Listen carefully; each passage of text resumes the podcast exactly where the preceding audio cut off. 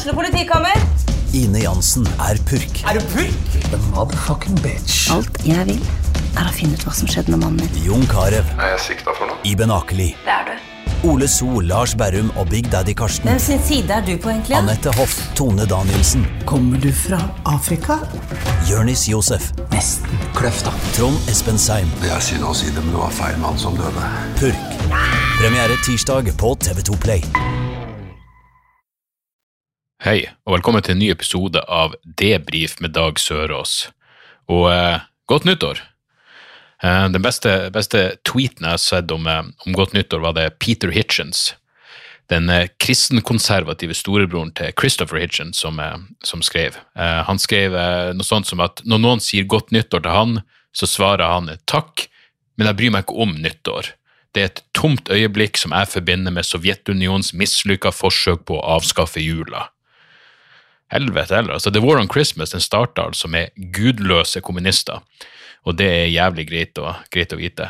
Og det er sant, storebroren til, Pete, til Christopher Hitchens var Peter Hitchens, og han er kristen konservativ. Jeg mener, jeg, jeg trodde jeg og brorsan var forskjellige, men uh, vi lever i det minste i, denne, i den samme verden. Jævla kommunistene altså, skal komme og ødelegge jula.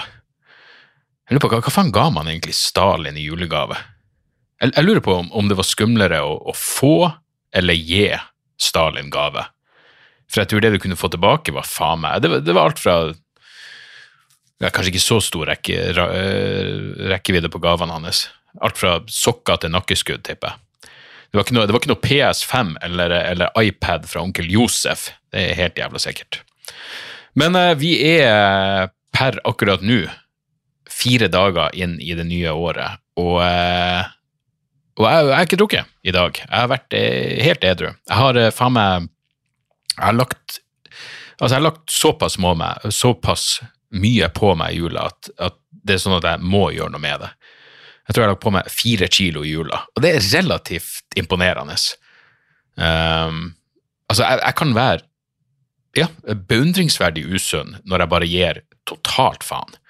Og, ehm, og eh, vi har stort sett bare vært hjemme i jula, så jeg har altså proppa Jeg har hatt ei så jævla eh, diabetes eh, jeg har virkelig bare pirra på meg diabetes gjennom hele jævla jula. Så nå er jeg nødt til å gjøre noe. Og- fordelen med å legge seg såpass mye ut, er at jeg må gjøre noe med det. Nå, nå er det liksom ikke snakk om det, det er ikke noe sånn eh, vingling fortsatt, for jeg er jo ekspert på å ha den um, ikke sant, jeg har, ok, så jeg skal skjerpe meg, jeg jeg er fortsatt så dum at jeg har nyttårsforsett, så jeg er sånn, ok, jeg skal skjerpe meg fra første nyttårsdag, og så tenker jeg, ah, ok, faen, første nyttårsdag er jo, den dagen gjelder jo egentlig ikke, fordi jeg, jeg, jeg drakk og brøyt i meg ting over midnatt, så den dagen er jo allerede gått, så det begynner egentlig andre nyttårsdag, da skal jeg skjerpe meg, men så er det sånn, andre nyttårsdag er jo på en søndag, så da er det bedre å begynne på mandag.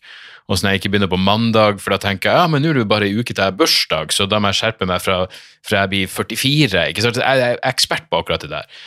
Så jeg, jeg fikk ikke sove i natt, så jeg sto opp klokka eh, Jeg sto opp midt på natta i tretida, begynte å eh, ommøblere i bokhylla på kontoret mitt, bare fra et eller annet å gjøre. Og så eh, hørte jeg på en podkast, Hidden Brain, tror jeg den heter. Om, eh, det var liksom en eller annen psykologiprofessor som prata om eh, vi, altså viljestyrke kontra det å ha vaner. Altså at viljestyrke er overvurdert, det er jævlig vanskelig, eh, det er en, eh, en begrensa ressurs. Så hvis du bare tilegner deg vaner Det er sikkert ikke noe banebrytende i akkurat det her, men men eksempel det med å jogge, da, var hennes eksempel. Hun sa hun, hun prøvde å gjøre det sånn, for hun hadde små unger, så hun jogga før de våkna opp, og jogga klokka seks på morgenen. Og så sov hun i klærne hun skulle jogge i, så bare spratt hun på senga og sprang rett ut.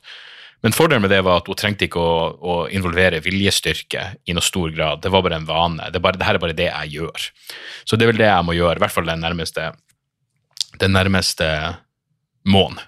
For å Ja, jeg skal, jeg skal klare å gå ned de her kiloene på tre uker. Det er jeg ganske sikker på. Eh, hvis jeg klarer å skjerpe meg. Det, det er jo fordelen med, med skjenkestopp. At akkurat eh, den fristelsen å gå, å gå ut og ta sånn pils er jo eh, ja, ikke-eksisterende. Og det er interessant med å se motstand. Nå var det vel et ja, hva var det? Var det eh, serveringssted, serveringssteder krever umiddelbar fjerning av forbud mot skjenking av alkohol, nasjonalt opprop. Og eh, skal, Hva faen var det de sa? Det var én ting jeg beit meg merke i, i, i det oppropet. Det var fall noen som uttalte Regjeringa vedgår selv at beslutningen om skjenkestopp ikke kan underbygges av forskning, og at det ikke er noe empirisk grunnlag for å slå fast at skjenkestopp har en reduserende effekt på smittespredning. Tiltaket bygger derfor på antagelser fremfor dokumentasjon. Akkurat som som ruspolitikken. Der, altså. Det er jo ikke rart at Vedum går med på skjenkestopp. Han er sånn, jeg jeg vil ikke vite om det funker. Jeg føler at det funker, så da går vi for det.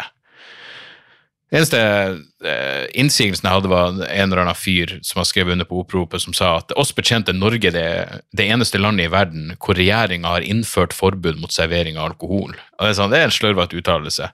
Jeg mener, I Saudi-Arabia er det jo faen meg, da blir du offentlig piska hvis du engang lukter øl, før du får ei lengre fengselsstraff, og så blir du deportert. Men det er klart, som strategi for smittebekjempelse, så er Norge ensom når det kommer til bruk av skjenkestopp. Eh, men igjen, typisk norsk, det det, hva det var Gro sa, det er typisk norsk å være eh, puritansk og evidensresistent. Um, så, så, det er jo ting å, å, å det, og det virker som nå er det virkelig åpna opp for mye mer eh, kritikk av, eh, av tiltaksbyrden um, i forbindelse med, med, covid. Og jeg vet jeg satt og tenkte på det nå når eh, hvor jeg virkelig bare er, blitt nærmest hatisk på, på fuckings Joe Rogan. Han, han er virkelig blitt uh, Ja, det er en antivakserpodkast han, han har, og jeg ser det folk som er sånn Jeg, jeg kansellerer Spotify-abonnementet mitt nå ut av rent prinsipp. Uh, og ja, det er ikke kanselleringsforsøk, det er rett og slett bare Hei, jeg har ikke lyst til å støtte uh, det her prosjektet. Og jeg ser den. Uh, men jeg tenkte sånn, er det noe, hvordan kan jeg få forståelse for det her? Og det skal sies, jeg tviler ikke på at det er en og det er ikke til forsvar for Rogan, på noen måte, men det er nok en annen opplevelse av, av en del av tiltakene i USA. For, det varierer selvfølgelig fra stat til stat, men, men at, du, at, du, liksom har eh, påkrevd eh, maskebruk for, for unger, altså små unger. Eh, at fuckings femåringer må vise at de har minst to stikk før de slipper inn på en restaurant. Eh, jeg lurer på om det var i New York. Eh, var, jeg hørte en som sa, prate om i Austin, så måtte de måle temperatur For skulle inn, han skulle inn og ta seg øl, og da, da fikk han utdelt en maske. Så sa han det er greit og så måler de temperaturen hans før han slipper inn. Det, det, er en annen følelse. Se for deg at du skal inn på internasjonalen, og så står de og tar tempen din på vei inn. Da føler du at du er atskillig nærmere Kina enn du, enn du skulle, skulle, likt å være. Men det er klart, du får jo gå inn og ta ei øl, så det at de sjekker temperaturen din, er jo fortsatt bedre enn skjenkestopp. Det er det jo ingen, ingen tvil om. Men, men, poenget mitt er bare at det finnes, det finnes legitime innvendinger mot uh, ja, til og med vaksineringsstrategi og, ja, og ikke minst tiltak. Sånn så, Jeg hørte også i natt på en podkast som heter The, uh, The Z-Dog MD Show. Altså Z, D-O-G-G, og så MD, MD, altså show. Um, som jeg hørte et par ganger uh, etter, at, uh, etter at Rogan begynte å ha alle de uh, antivaksergalningene på, på podkasten sin. Og det her var, det, det, her, det, det siste episoden det er episode med Peter Atia, som har vært gjest på Rogan, og Marty Mackery heter han andre. Og alle tre er vel leger. Og de har en, en, en, ordentlig debatt. Igjen, det er jo en del, en del av de, de rent tekniske tingene som går langt over hodet mitt. Men, men, der er det uenighet, og de prater om De er ikke overbevist om eh, behovet for boosterdoser uh, for, um, for, alle utenom de som allerede er i risikogruppe. Altså det, det, er ting som kan diskuteres på et helt annet nivå enn det Rogan driver på med. Sånn som i den siste episoden hvor han har en, en Robert Malone. Jeg mener, her har du en, en person, en lege, da, Uh, alle, er sånn, alle som skal forsvare han er sånn, han er oppfinneren av mRNA-vaksiner, eh, og nå angrer han på det monsteret han har skapt. Og Så leser du litt om han, og så innser du nei, han bidro til å utvikle teknologien som etter hvert førte til mRNA-vaksiner. Så han skal, honør, han skal absolutt ha honnør, sammen med en, en, uh, en, masse, en masse, andre forskere. Men selvfølgelig, han hadde vel i Twitter-bioen sin at han oppfant mRNA-vaksiner. MRNA fordi han er narsissist, åpenbart. Eh, men uansett, han driver og prater om i episoden om, eh, om de som da lar seg De som kjøper inn de som kjøper covid-hysteriet, som lar seg vaksinere ukritisk. Og han kaller det mass formation psychosis. Og etter jeg forstår, så er dette blitt et sånn, eh, sånn mantra, eh, særlig på høyresida, blant eh, vaksineskeptikerne og antivakserne. Mass formation psychosis. Og så begynner han å beskrive det her, og sammenligne det Sjokkerende nok, dere vil ikke tro hva han sammenligner det med. Han sammenligner det med Tyskland på 20- og 30-tallet, og hvordan oppegående folk lot seg, og han sier bokstavelig talt, hypnotisere til å, føre, til å høre på den eh, til å, til å, kjøpe ukritisk alt som den sterke lederen sa og formana. Og du sitter og hører på det og tenker ok, han, han beskriver jo Trump. Han beskriver kanskje til og med nyliberalisme. Det han ikke beskriver, er folk som velger å la seg vaksinere. Men det får selvfølgelig ikke være så jævla nøye. Og poenget er, han, er bare Robert, du, du, du, bare leser litt om han, så skjønner du ok, han er akkurat det samme som, som Brett Weinstein. Han, han, Malone føler seg forbigått og oversett, og han får ikke den respekten han fortjener blant sine likemenn og likekvinner. Og bitterhet og narsissisme, det, det fører til det her, ikke sant? Og han ville også fått en nobelpris om ikke alle, var, om ikke alle andre var mot han. Det er klart, I motsetning til Brett Weinstein så er det godt mulig at, at Robert Malone faktisk kunne, kunne fått en, en, nobelpris, men, eh, men gudene vet hvorfor han uh, holder på sånn som han, uh, han, som han gjør. Men ikke sant, igjen, det, denne ideen om at alle andre tar feil. Du, du kan ikke la være å høre på den Rogan-episoden eller den Peter McCullough uten å tenke at det her er de, de er grunnleggende konspirasjonsteoretikere. ikke sant? Og så er det denne ideen om at alle andre tar feil. Selvfølgelig. Å, interessant. Alle andre tar feil. Mye av det de snakker om, er selvfølgelig langt utenfor min fatteevne. Men hva er oddsen for at alle andre tar feil? Samtidig så sier de jo ting som er så lett å faktasjekke. Sånn som Peter McCullough når han sier du kan ikke få covid to ganger. Hva med alle som har fått det to ganger? Vel, de tar feil. Prøvene er feil, det er en dekkoperasjon, elitene og Big Pharma og Bill Gates står bak. Det er bokstavelig talt det han fucking sier. På et tidspunkt så sier han at Peter McCullough det er 500, det Han vil anslå at det er rundt 500 Og så snakker de jo veldig, veldig rolig. Både McCullough og Malone, veldig sånn uh, Brett Weinstein-aktig. sånn, ja, nei, men uh, altså, Vi er de rasjonelle, og det vi sier, er jo helt, helt uh, klinisk sinnssykt. Men når du sier det på en veldig rolig og fatta måte, og du i tillegg har en fin tittel foran navnet ditt, så, så er jo alt du sier, hev over enhver tvil. Peter McCullough sier på et tidspunkt at det, han, anslår at det, det, er 500 leger som vet hva som foregår i USA. Det er 500 leger som vet sannheten. Det er han og 499 andre. Så påpeker han samtidig det finnes rundt én million leger i USA, men 500 vet hva som foregår. Og da må du bare tenke, hva er oddsen for at 0,05% av leger vet hva som foregår, mens resten tar feil? Jeg mener, bare, bare sånn, Helt ren grunnleggende sannsynlighetsberegning tilsier at du burde være litt skeptisk. Ikke sant? Bare litt skeptisk. Og så kan det også sies at alle som sammenligner koronapass med Nazi-Tyskland, burde ignoreres. Uansett hva slags jævla tittel de har foran navnet sitt. Den kan være en jævla ph.d., MD, fuckings masterclass i virologi hvis du sier at vaksineringskrav er lik gasskammer, så kan du fuck off. Jeg vet, jeg, jeg, faen ikke hvilken tittel du har. Du, du, kan være yogi, og det er ikke bra nok tittel for meg, når du kommer med den der historieløse jævla sammenligninga. Og det er jo noe, Jeg, jeg vet da faen hva som foregår i yogamiljøet, men, men mitt anslag er uh, Nå skal jeg ta en Peter McCullough. Uh, 77% av frivillig uvaksinerte i Norge uh, Den type mennesker som tror på naturlig immunitet, og en mer holistisk tilnærming til pandemien. 77% av dem er yogainstruktører. Er det noe med poseringa som fører til hjernedrypp? Ja, min forskning tilsier det. Ikke publisert ennå. Det er det jeg tenker med svogeren min. Driver han med yoga? Er det det som har skjedd, det det som har skjedd med han? hæ? Jeg trodde han var en feit, middelaldrende, sjokolademarinert sofaslave, men kanskje han går ned i nedstigende hund når jeg ikke ser på?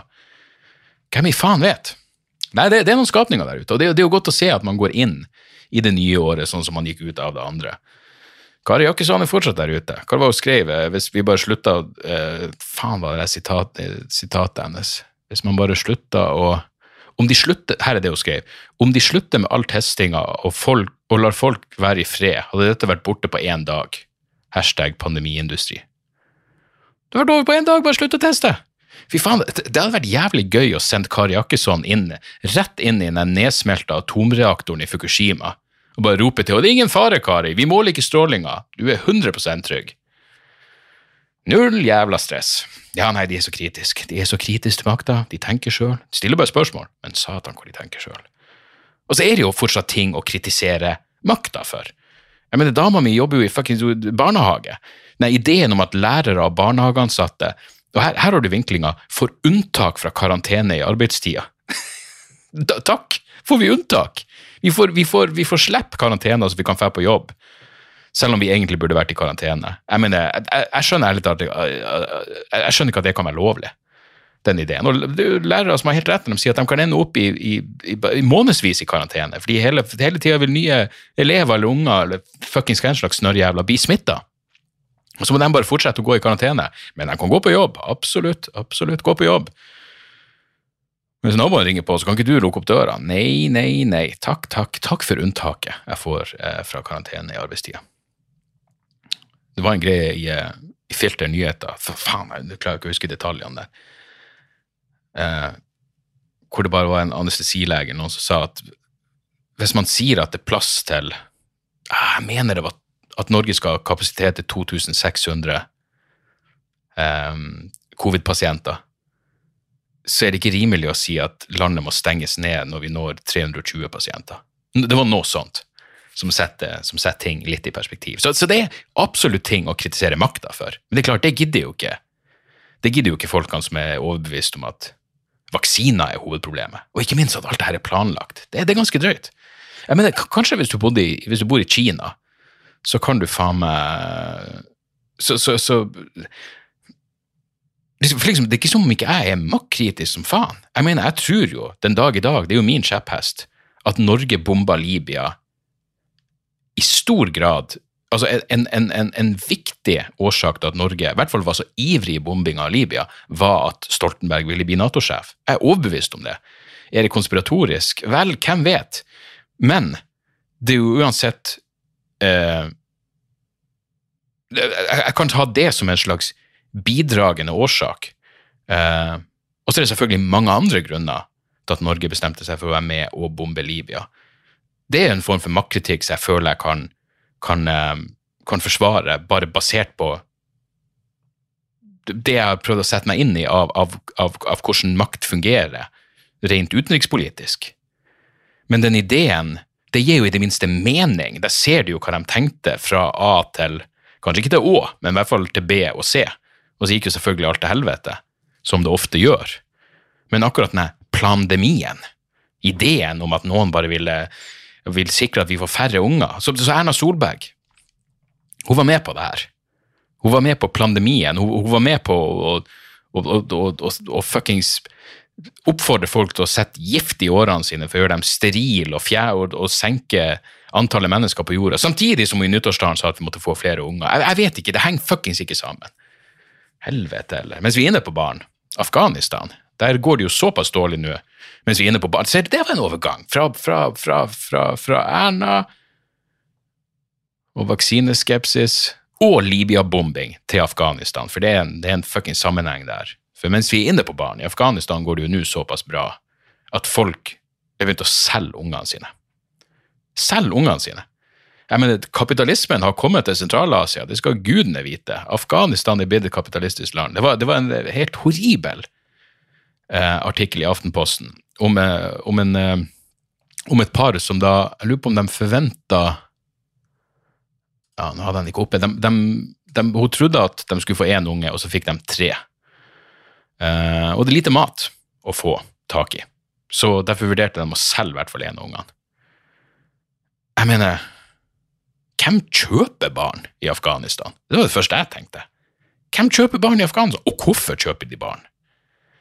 Jeg vet da faen. Er det, er det som må, må man passe på sånn som Husk å ikke handle barn når du er sulten eller kåt. Jeg, jeg vet da faen. Nå vil ikke jeg betvile intensjonene til innbyggerne i et land med faen meg nærmest institusjonalisert pedofili.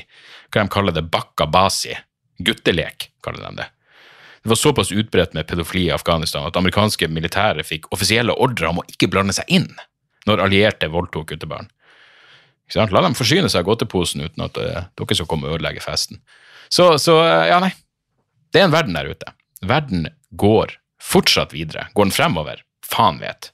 Men eh, på den lineære tidslinja så går det nå fremover på et eller annet, jævla vis.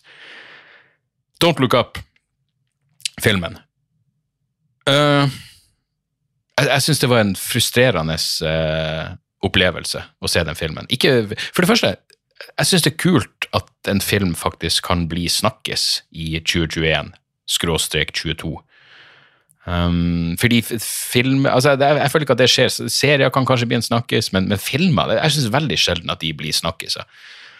Og, og denne filmen er jo selvfølgelig kontroversiell fordi den er så jævla polariserende. Ikke sant? Dere har jo sett det jeg, jeg, jeg tror ikke det er noen spoilere her, nødvendigvis, men det er en komet som er på vei mot jorda, og noen forskere har, har sett den og bestemt og beregna at den, eh, den treffer jorda om jeg vet faen, 6 måneder og 13 dager eller et og så er det ingen som gidder å høre på dem, for de er opptatt av eh, av all slags trivielt eh, kjendisstoff i stedet, og presidenten bryr seg ikke. Jeg men Filmen er jo like subtil og på mange måter like fiktiv som en Michael Moore-dokumentar. Um, og så syns jeg den Trump-figuren til Meryl Streep var unødvendig. Det, det er greit at, at Trump nesten er unikt ille når det kommer til klimakrisa, fordi han, han nærmest med overlegg vil gjøre det verst mulig. Jeg vet nå at Noam Chomsky har sagt at, eh, at det republikanske partiet er den, den farligste institusjonen i verdenshistorien. Altså verre enn nazistene, fordi de aktivt går inn for å gjøre menneskelig eksistens eh, mest mulig usannsynlig. Men det er klart, det finnes mange verstinger på klimakrisa, men det fuckings, hørte dere Støre sin jævla nyttårstale? Der var det relativt eh, selvmotsigende på akkurat den fronten. Og så skjønner jeg at det er vanskelig å få en sånn eh, systemisk kritikk eh, i en sånn film, men det virka som sånn Trump-figuren var unødvendig polariserende. Så Jeg, vet ikke hvor Ja. Men, men hovedproblemet var, for folk, de som er kritiske til filmen, sin, den, er jo ikke noe gøy. Nei, jeg syns ikke heller det var noe gøy. Jeg syns jeg synes ikke engang at det var satire. Det var derfor den var så frustrerende å se. Det var ikke gøy fordi det var for ekte. Ikke sant? Skal det være satirisk, så må du gå litt Du må gå et hakk over virkeligheten. Det var, det var, um, uh, det, det var en, eh, en, en, eh, en greie i Aftenposten i dag. Uh, Kjetil Alstadheim skrev at klimaforskere følte at, at, at den filmen var De kunne kjenne seg igjen i de reaksjonene, når de liksom prøver å og, og komme med advarsler, så, så, så blir det ikke tatt seriøst. Og det er jo det er en sykt skummel tanke. Men jeg, jeg, vet ikke, det, det var mer sånn jeg var, var, jeg var frustrerende å se på. Og det føltes faktisk som å være tilbake til, til Trump-tida. Når du bare sitter og ser på og er sånn Du hører han jeg vet ikke om man skal si svaret på spørsmål, men bare lirer av seg ting som ikke gir noe form for mening uten å få noe konkrete oppfølgingsspørsmål. Og det er bare sånn, hva, hva i faen er det som foregår? Det var sånn det var i denne filmen også. Det, det, det, det virka for ekte. Hva er det man kaller det når det er uncanny valley? Når roboter kommer i en sånn Når du prøver å lage menneske, roboter som ser ut som mennesker, så kommer det på et tidspunkt hvor de ligner veldig på mennesker, men de ligner ikke nok, så det blir frastøtende på et, hvil, på et vis det følte jeg var eh, det som skjedde med, med Don't Look Up. Satira ble for virkelighetsnær, den gikk ikke langt nok, og da ble det bare sånn Fuck, det her er, bare, det her er frustrerende, ikke morsomt. Eh, så, så det kunne like gjerne virke som Det er en dokumentar om folk som fortjener å, å gå under. Um, og ja, jeg, vet, jeg tenkte på det når, når jeg satt så på, um, på uh, TV 2-nyhetene, når eh, de skjøt opp eh, eh, teleskopet, James Webb-teleskopet. Så var det eh, rett før eh, de gikk inn eh, de, de hadde vel noe eh, livedekning av oppskytinga. Så rett før det så hadde de en reportasje om at de kongelige hadde fått seg en ny hund. Og da slo det meg tenk alle de, Jeg måtte si til dama. Tenk alle de folkene. Så gikk de fra kongelig bikkje til fuckings historisk oppskyting av et, et historisk jævla NASA-teleskop. Som gjør at vi kan se tilbake til tidsreise tilbake til universets jævla opprinnelse eh, etter Big Bang. Det er ganske sinnssykt, men da slo det meg Tro alle de folkene som bare slo av etter reportasjen om kongelig bikkje. Ja, det var det de var mest interessert i. Nå skal det sies, jeg synes det, det geniale med Don't Look Up var den ideen om at man kunne tjene penger på Kometen. Det syns jeg virkelig var eh, Det var top notch. Det var, det var, det var genialt. Det var satire på sånn, det nivået hvor du vil Uh, Ja, hvor, det så Det blir såpass absurd at det, det, det syns jeg var, var gøy.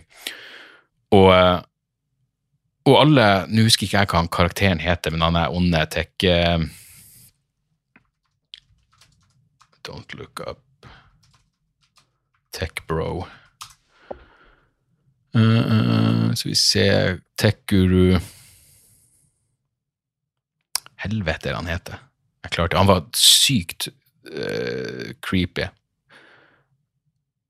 Uh, Tech-guruen Peter Isherwell. Det står det An amalgamation of tech billionaires like Mark Zuckerberg and Elon Musk who has a solution of his own for the impending comet. Det, jeg har fortsatt ikke sett noen, og nå har jeg ikke googla det, men jeg håper jeg har en original innsikt her. Han, Det er greit at han var, selvfølgelig var basert på Zuckerberg og Elon Musk, men mer enn noen så var han jo basert på altså Estetisk, utseendemessig, måten han snakka på, så var han jo Marshall Applewhite, lederen for Heaven's Gate-sekta, som begikk masseselvmord. Det var det han var. Ikke sant? Marshall, eller Doe blant venner, eller Tiddy blant kollegaer. Ta og Google Marshall Applewhite, og så googler du Peter Isherwell, og så fortell meg at ikke det er fuckings. Satan, det, det må komme en Heaven's Gate-film på et eller annet tidspunkt, og det er ingen tvil om at godeste Mark Rylands skal spille, skal spille Doe. Så, um, så ja. Så det er, vel, det- er vel de tingene jeg har gått og, eh, og tenkt på i det siste. Utenom det, seriøst, det er jo nytt år, men jeg vet da faen. Jeg vet da faen. Jeg har noen show kommende. Nå er jeg liksom i fasen uh, Jeg er ferdig med jeg er ferdig med det forrige showet, jeg har fått filma det. Jeg har fortsatt ikke fått sett filminga, jeg har fått lydopptaket, men det gidder jeg ikke å høre på. Jeg vil bare se opptaket. Så må man få ut det på et eller annet vis. Eh, Det er jo hyggelig at flere av dere har sendt meg melding og spurt om havner på Vimeo sånn som før. og Det, det kommer nå på et eller annet vis. Jeg vet fortsatt ikke hvordan. Jeg vet, det her, De av dere som har sett showet, det her får vi ikke fucking solgt inn til TV2 eller NRK. Så jeg blir veldig imponert hvis de, eh, hvis de sender den Why I Masturbate My Son, eh, blogspot.com-vitsen. Men, eh, så vi, vi får nå se. Eh, Men det går det tar nå så lang tid som det tar, men forhåpentligvis ikke så jævlig lang tid. Men poenget er at jeg, jeg, jeg er på bar bakke nå. Jeg er helt på bar bakke. Og jeg gjorde jo eh, ett sett på Latter rett dagen etter at jeg var, hadde hatt siste show av rangforestilling, hvor jeg prøvde ut et par nye ting. Så jeg har litt, men jeg har langt fra noe. Jeg har ikke skrevet et, et, et fuckings Jeg er ikke tegnsatt noe engang eh, i løpet av jula. Så jeg, det føles som jeg er helt på bar bakke nå. Eh, så jeg trenger nytt materiale. Problemet med sånn som ting er nå, er at ja, ok, jeg trenger nytt materiale, jeg, jeg trenger mental føde, jeg trenger å lese og tenke, men jeg trenger også å leve et fuckings liv. Jeg trenger å reise, oppleve ting. Det er sånn du får historie. Men det er vanskelig akkurat nå. Og eh, ja, helvete, altså. Jeg, jeg husker jeg tenkte det mens jeg turnerte, at faen, de folkene som bare skal ha premiere i 2022 på sin neste show, de er så heldige. Men nei, nå er de jo faen meg i samme jævla situasjon som jeg var i, hvor alt bare føles usikkert. og og fucking stimuleringsordninger og doble show foran Blir det 50, blir det 200? Å, gud, jeg misunner dem ikke det der faenskapet. Men jeg vil jo tro og håpe at det åpner opp såpass at man kan gjøre litt klubbshow rundt omkring. Så det er liksom det som er planen min nå. Halvt års tid, gjør klubbshow, og det, med det mener jeg liksom jeg står på show med andre komikere på eh, Latter og klubber rundt omkring. Og så eh, til jeg har nok til at jeg kan gjøre et eh, Til at jeg kan ta med meg en kompis og så gjøre prøveforestilling. Liksom, at jeg gjør en time med en, en supportkomiker. Men satan er langt unna det akkurat nå. Jeg har faktisk begynt å tenke på, å tenke på titler, fordi titlene mine har liksom ikke så mye med sånn eh, rød tråd-komiker, men jeg har, jeg har skrevet ned et par ideer på titler i håp om at det bare skulle sette i gang en eller annen prosess i skallen min. Um, men egentlig så burde jeg bare Jeg, jeg lurer på om det var komikeren Glenn Wool som en av de morsomste jævlene i verden, en av de hyggeligste jævlene i verden, og han kommer, så vidt jeg vet, til Crap på Parkfestivalen i Oslo i slutten av eh, januar, og helvete, den må bli noe av. Altså, Crap på Park er et høydepunkt hvert jævla år. Det er liksom en mulighet for å, for å fuckings henge med kollegaer, kompiser, venner, og eh, For kompiser, da er det underforstått at det kun er hannkjønn, er ikke det? Kollegaer, da. Kolleger andre komikere, henge med andre komikere han, hunder og hender og hele pakka, og, eh, og bare se andre komikere. Gjør et, Jeg er vanligvis med på en sånn late night eller et eller annet, så jeg kan gjøre et sett der. De spurte om du gjøre fredag eller lørdag. Jeg sa fredag, for da kan jeg bare fuckings kose meg hele lørdag uten å måtte tenke på å ha sammenhengende tanker. Eh, Så, eh, så jeg håper virkelig det blir noe av, men da kommer i hvert fall Glenn Wool, og han er en av de morsomste kriminelt Uh, undervurdert, eller bare ukjent komiker. Han, han burde virkelig vært uh, superstjerne, men satan, han er morsom. Men han sa en gang eh, at eh, ja, faen, det beste er jo bare å, å skrive om det du går og tenker på. Og det er klart, det jeg går og tenker på, er jo mye av de tingene jeg prater om i dag. Eh, og Noe av det her kunne sikkert vært et utgangspunkt for et eller annet. Og så er det jo Ja, jeg er fascinert da, fordi jeg er blitt så jævla oppslukt av denne Decoding the Gurus-podkasten at guruer generelt er liksom uh, Guru er liksom en av de titlene jeg skrev ned. Uh, for jeg har faktisk en, en vits som jeg begynte med før Som jeg jobba med til vrangforestilling, som bare, jeg fikk den aldri til å funke. Som jeg kan prøve å ja, Hvis jeg finner notatene Jeg har sikkert et opptak av den. Jeg, det- var, jeg syns premisset var godt. Det var bare at hvorfor jeg ikke ville synes det å være sekkleder var noe stas. For, fordi det er altfor mye ansvar og altfor mye lange arbeidsdager, og til og med det at du får ligge med alle um, kjærestene til alle de andre eh, At du får ligge med damen til alle de andre sekttypene. Selv det virker bare som, som mas. Så det var en greie der. Det er et eller annet der som jeg kan videreutvikle. Og så i tillegg alt det andre med, med det ene si, sekulære guruene rundt omkring, som de Decoding the Gurus prater om. Det, det, det er noe der jeg ja, ei bok liggende som heter Cultish, som handler om, eh, om eh, bare språkbruken som sekter bruker. Jeg mener, sekte er jo noe som har fascinert meg i, ja, i fuckings Jesus, helt siden jeg var unge, tror jeg, for å være helt ærlig. Så um, jeg synes rart at jeg aldri ble med i sekt. Det burde nesten ha hatt det under beltet. Og bare blitt med. Faen, det, det er derfor det burde gå an å reise nå. Det har vært jævlig gøy å bare dratt Jeg vet da faen. Hvor man drar for å bli med i sekt. New Zealand, tenkte jeg en eller annen grunn. Jeg aner ikke hvorfor. De har vel noe sekte. Drar dit og så, eh, og så bare være med i sekt i et halvt års tid. Det hadde vært jævlig gøy. Undercover i ei sekt. Det hadde vært, eh, det hadde vært gøy. Men jeg kunne aldri blitt noe Jim Jones. Ikke faen, det er for mye arbeid. Det er for mye, er for mye styr. Det er ikke for meg. Uh, der er jeg. Når det kommer til sekter, så er jeg en follower og ikke en, en leader. Uansett, det var, eh, jeg tror det var årets første episode. Da er vi nå i gang. Um, som vanlig, uh, vil dere ha bonusepisoder og, og mer til, så kan dere gå på patreon.com slash dagsoras. Da kommer det en bonusepisode annenhver fredag. Og i tillegg eh, så vil jeg legge, så ligger det, ja, det ligger noe roaster, noe opptak av show jeg har gjort på engelsk, og eh, diverse greier. Eh, Det begynner å bli et bra arkiv av ting der. Og der gjør jeg også sånn Q&As hvor folk skriver inn spørsmål, og svarer på dem. Og det blir stadig gode spørsmål også. Så ja, så hvis, hvis dere skulle føle for mer, uh, patreon.com slash dagsordas. Jeg har ikke noe spesielt eh, av show å plugge nå, eller noen ting, så jeg tror rett og slett bare vi tar et par uh, kjappe tips helt på slutten.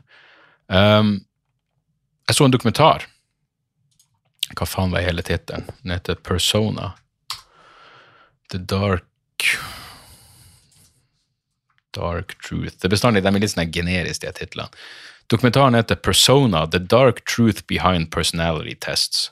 Um, og det handler vel eh, den handler om, om Big Five, Myers-Briggs uh, uh, det, er- det er store personlighetstestene. ikke sant? Uh, hva heter den Harald Eia-greia? Jeg var jo med på det en gang. eh, Hvem er du, eller hvordan er du? Den tar jo utgangspunkt i Big Five. Jeg, jeg og Chomley tok jo det til eh, det dialogiske også. Men uansett, eh, jeg visste ikke at i USA så er det så eh, så er det utbrakt å bruke de her eh, personlighetstestene eh, for, å, for å ansette folk i de helt sånn trivielle jobber. Liksom McDonald's, hvis du jobber på McDonald's, så må du ta en sånn personlighetstest. Og på den måten så luker de ut folk med en del eh, ja, trøbler eh, mentale altså Folk som har De, de kan liksom se, visstnok, ut ifra de testene, om du har eh, mentale sykdommer, har du autistiske tendenser, er du vanskelig å samarbeide med, alt det der. Eh, så, så det er, som tittelen sier, ei mørk side ved de her personlighetstestene. I tillegg sier det selvfølgelig eh, nye typer teknolo altså, tek, Teknologien utvikler seg sånn som den gjør, så nå er det av og til folk som gjør eh, må gjøre jobbintervju foran et kamera med kunstig intelligens som visstnok leser, eh, leser om du lyver. Les følelsene dine. Så det er creepy som faen, og det her går jo inn i selvfølgelig overvåkningssamfunnet generelt og, og alt det der. Så um, det kan i hvert fall anbefales. Jeg, jeg syns det var en jævlig bra dokumentar. Jeg tror den ligger på HBO Max. Persona, The Dark Truth Behind Personality Tests. Um, og så vil jeg anbefale Jeg så den eh, Hva faen heter det? Music Box dokumentarserie. Det er vel også på HBO. De har en om uh, Woodstock 99, en om Alanis Morissette, men jeg så den om DMX. Um, og den var jævlig bra. Jeg mener, jeg var jo stor DMX-fan i mine tenår. Um, men uh, det, var, det, var, rørende, for den er jo filma det siste året, vel, før, før DMX strøyk med av ja, hva var det han døde av igjen? Hjertefeil i forbindelse med utstrakt bruk av kokain, tror jeg, eller speed. Eh, men han, han, sliter jo åpenbart. Eh, men det, det, er noe varmt med den også. Eh, jeg vet ikke, det, det, jeg, jeg vet da faen. Jeg syns nesten det var litt sånn rørende å se det når han For han, han gjør et slags comeback her, og det er sikkert ikke like store venues som han gjorde før, men han står og prater med noen liksom, fans etterpå. Selvfølgelig eldre folk som har fulgt han siden 90-tallet, og så er det nye ungdom som vet hvem han er, og at han er en legende. Men, men han står og prater med en ungdom som prater om at han har gått gjennom røft og gettoliv og bla, bla, bla, og så sier bare DMX 'turn that pain to words'. Jeg tror han fyren sa at han rapper, og så sier DMX 'turn that pain uh, to words'. Så Som oppsummerer mye. Så, så ja, det, den var Den var Den var jævlig Jævlig bra. Um, og så må jeg selvfølgelig tipse om eh, den nye Spider-God-skiva, eh, VI, altså seks. Faen, altså, for eh, eh Hva det var eh, eh, det, var, det var en eller annen anmeldelse av skiva som sa at det her er breibeint rock. Og ja, nei, det er så Det er livs, livsbekreftende rock'n'roll. Fuckings kongeskive. Og ja, jeg, jeg, la jo ut i sånne no, ti norske skiver jeg vil anbefale fra året som gikk, og så klarte jeg å glemme den som egentlig ville vært nummer én på lista, nemlig fucking Spider-God. Eh, men det er fordi den kom jo rett før jul, så jeg hadde liksom ikke hatt nok tid til å, um, til å uh, sette seg inn i det her. Og det her, det her er et skive med fuckings saksofon, som jeg liker. Jeg er ikke noen saksofonfan i det hele tatt. Men men ja, nei, helt fuckings uh, fantastisk. Og selvfølgelig fantastisk uh, trommis. Jeg husker jeg var en gang på Jeg er ganske sikker på at det her stemmer. Jeg, jeg, tror det var Jeg var og tok noen øl med noen venner, og så, og så var det en, en musikerkompis der. så Plutselig kom det en annen fyr og slo seg ned, og jeg visste ikke hvem han var. så han, han komp, han si sivile kompisen min, som ikke er musiker, bare en enormt stor musikkfan. Når her fyren slo seg ned, så så at han kompisen min ble skikkelig gira, men han er sjenert, så han sa ingenting. Og så jeg bare etterpå, når vi gikk videre, så var han sånn Fuck, det der var jo trommisen i Spider-God, og han er jo helt sinnssyk. Og jeg bare Fuck, var det det? Jeg hører på Spider-God hele tida. Jeg jeg og lydmann Steven er jo store Spider-God-fans. Uh, Spider så uh, vi blaster jo det hele tida når vi har en lang kjøretur. Så Spider-God, VI, Spider-God 6, fuckings fortreffelig, fantastisk knall. Og så et lite podkasttips helt på slutten der. Um, jeg har bare hørt noen episoder så langt, men basert på gjestene så er den helt fuckings knall. Den heter rett og slett Many Minds. Og den siste episoden, jeg tror den siste som kom, kom ut på slutten av fjoråret, er om intoxication. Um, og det er en um, farmakolog og en filosof, Edward Slingeland, som skriver boka Drunk, som snakker om uh, ja, om rus. Ikke bare blant mennesker, men også rus i dyreriket. Og når jeg går nedover på, eh, på lista over episoder til denne Minimind, så er det, det, det titler som Why Do We Dream, Why Is Artificial Intelligence So Hard, The Brain's Many Maps, Monkeys, Monogamy and Masculinity. Det her er knall. Det, det er åpenbart en knallpodkast. Many Minds der, altså. Så uh, det var det hele for denne uh, uka. Vi høres igjen neste uke. Uh, de av dere på Patron, vi høres vel når høres vi? Fredag eller neste fredag? Jeg husker ikke, jeg skal dobbeltsjekke det. Uansett, vi snakkes, folkens. Jeg, jeg håper det nye året behandler dere bra. Og så, så jabbes vi snart igjen. Night! Tjo og hei! Moderne media. Har du et enkeltpersonforetak eller en liten bedrift? Da er du sikkert lei av å høre meg snakke om hvor enkelt det er med kvitteringer og bilag i fiken, så vi eh, gir oss her, vi. Fordi vi liker enkelt. Fiken superenkelt regnskap.